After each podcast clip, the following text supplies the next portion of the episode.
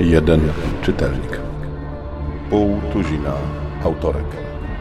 Ponad 30 książek. Największy quest fantazy drugiej dekady XXI wieku. Godaj ponownie wkracza do świata czarów.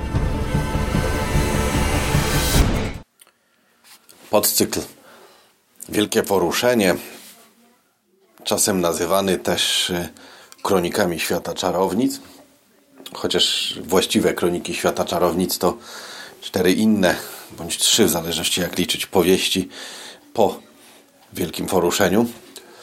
Składa się z sześciu powieści. Rozumiecie coś z tego zdania?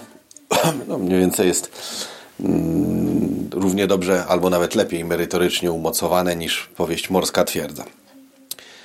Wielkie Poruszenie to jest sześć powieści, z których pierwszą Port Umarłych Statków napisała Andre Norton. Całą resztę natomiast napisały inne autorki, ale pod jej szyldem. W Polsce wyglądało to wręcz tak, że wielki napis Andre Norton na okładce opatrzony był pod spodem małym nazwiskiem. W tym wypadku Patricia M. Griffin była autorką tej powieści.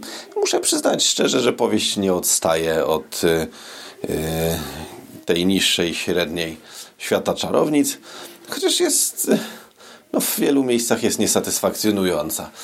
Dziedziczka doliny znajdującej się hen daleko w Hajhalaku najmuje oddział sokolników. Mam trochę wrażenie, że mm, Matthews Griffin, przepraszam, a nie Matthews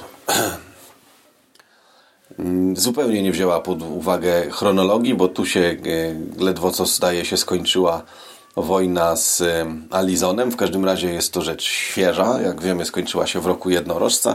Tymczasem e, już mówi się o zburzeniu gniazda, które zupełnie nie w tym okresie nastąpiło, lecz w trakcie wielkiego poruszenia, które no, odległe było zarówno od wojny z Kolderem, jak i od późniejszej, ale jednak rozciągniętej w czasie wojny z Alizonem. No, mniejsza z tym. Nikogo nie obchodzi świat przedstawiony. Sokolnik wzywa rogatego pana, który, jak dobrze pamiętamy z powieści Korona z Jelenich Rogów, był takim męskim kontrapunktem dla Gunory, czyli jantarowej pani.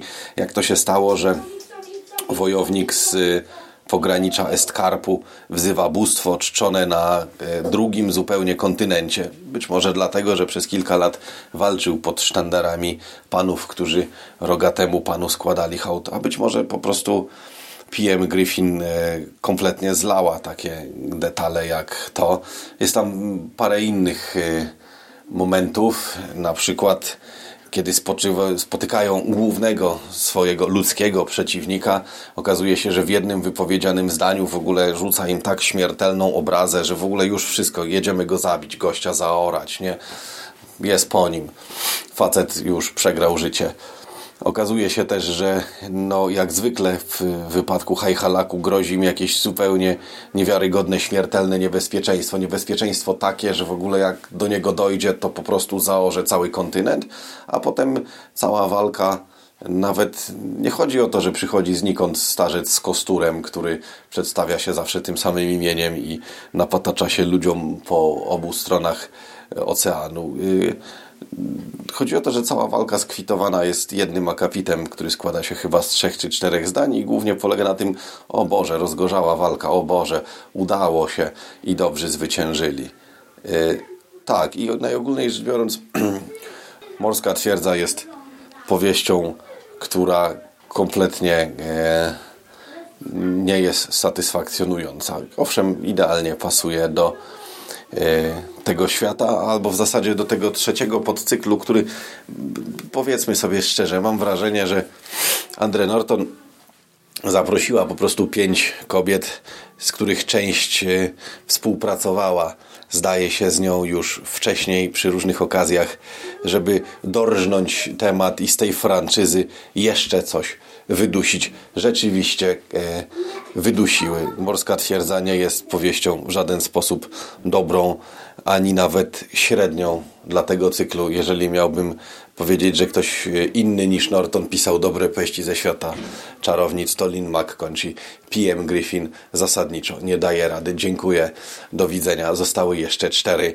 a potem jeszcze cztery, a potem jeszcze zbiory opowiadań. Zaczynam się bać.